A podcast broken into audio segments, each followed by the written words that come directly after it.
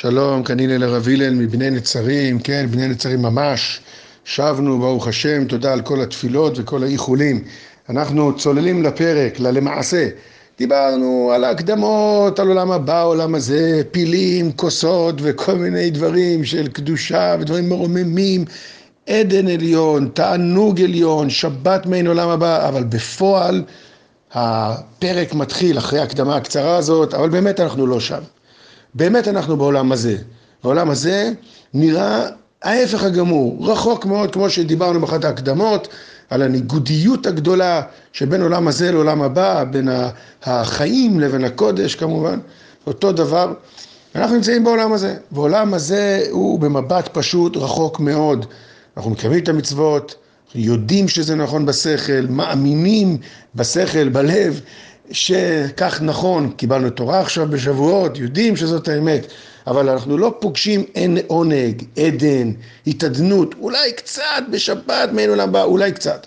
אבל ביום יום לא, ולכן מצד שרים אומר את זה, השלב הראשון בעולם המוסר, כשאתה מתחיל את צעדיך הראשונים, דע לך, אתה בעולם הזה, וכל מה שאתה פועל זה היום לעשותם, מחר לקבל שכרם, או בלשון אחרת הוא כותב, שם לרבות בנחת, כאן ושם.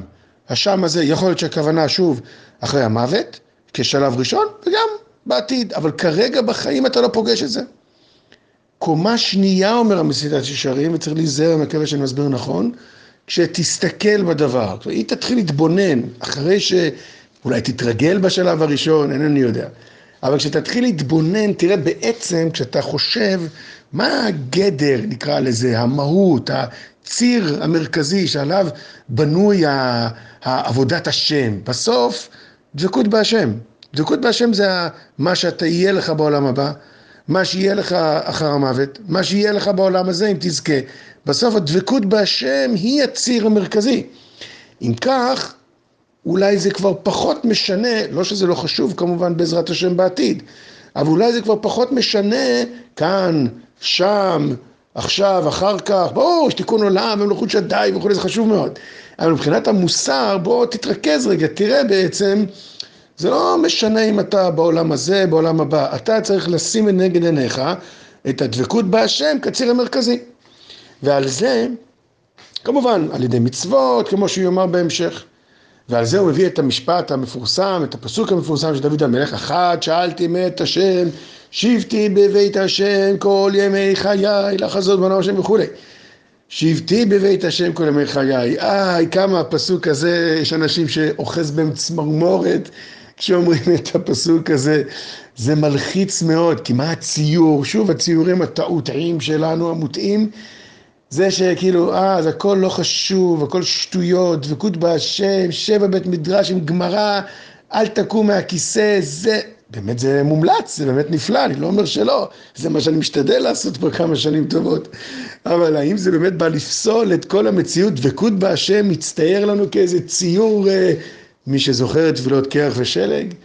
שימו לב בפסוק הזה, שבתי בבית השם כל ימי חיי, מה זה שבתי בבית השם? בית השם זה בית המקדש. נכון שהיום יש לנו מקדש מועט, זה בית מדרש, אבל המקור של הפסוק מדבר על תקופת המשכן ובית המקדש. עכשיו, יש הלכה מפורסמת שבבית המקדש אסור לשבת, חוץ מאדם אחד, שבטי בבית השם, חוץ מאדם אחד, מלך ישראל. מלך ישראל. המלך דוד יכול לשבת בבית מקדש. אה, אז עכשיו הפסוק הזה בעצם, הפשט של הפסוק אומר משהו אחר לגמרי. אומר דוד המלך, אני מקווה שאני אהיה לי דבקות בהשם, זה לא שדוד אומר, אוי, הלוואי כבר אני אעזוב את המלכות הזאת, פוליטיקה, כל מיני זלזולים שאנחנו מזלזלים בעולם המעשה. חס ושלום, זה לא כוונתו, בדיוק ההפך. הוא אומר, הלוואי ואזכה לקיים את הדבקות הזאת בהשם, שהיא הקמת מלכות ישראל. כמו שקראנו עכשיו מגילת רות ממש בשבועות, על הולדתו של דוד, על ייחוס מלכות בית דוד. הלוואי ואזכה להיות דבק בהשם בהקמת מלכות ישראל בחיים, כמובן, מתוך תורה, מתוך דבקות ברעיון האלוקי, יראת שמיים, קיום מצוות, כמובן, אבל הדבקות מתבטאת בחיים שהם סובבים סביב העניין האלוקי. זה כוונת המסילת ישרים פה. כשתסתכל בדבר, תראה שאתה לא צריך לחכות רק לשם, שם לקבל שכרם, לראות בטוב שם, אלא בעצם בחייך אתה כבר יכול להיות דבק בהשם. כמובן, זה דורש עוד תנאים, כמו שנראה בהמשך. שבוע טוב.